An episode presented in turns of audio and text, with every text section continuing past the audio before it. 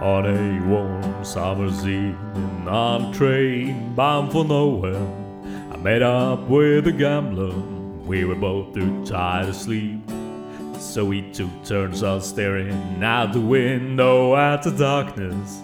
Till boredom overtook us, and he began to speak.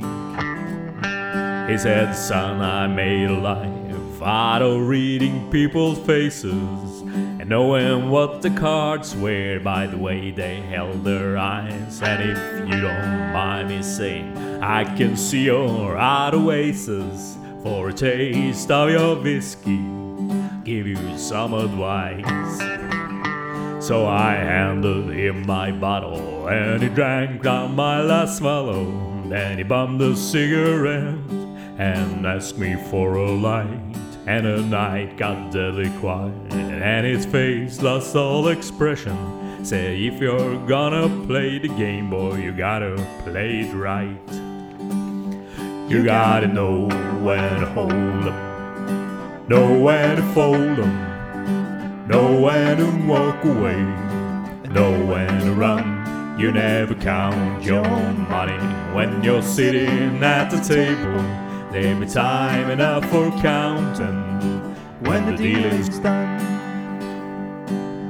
Every gambler knows that the secret to surviving is knowing what to throw away, knowing what to keep. Cause every hand's a winner, and every hand's a loser, and the best that you can hope for is to die in your sleep.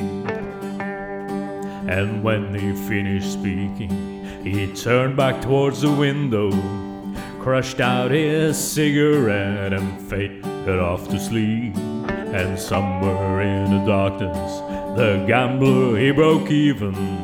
But in his final words, I found an ace that I could keep. You gotta know when to hold 'em, know when to fold 'em.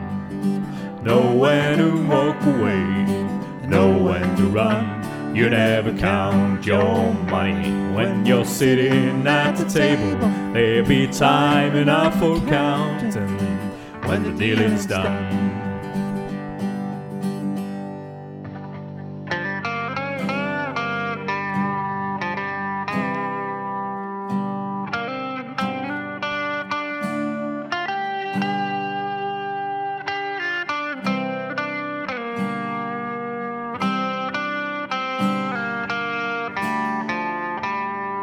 You gotta know when to hold 'em, know when to fold 'em, know when to walk away, know when to run. You never count your money when you're sitting at the table.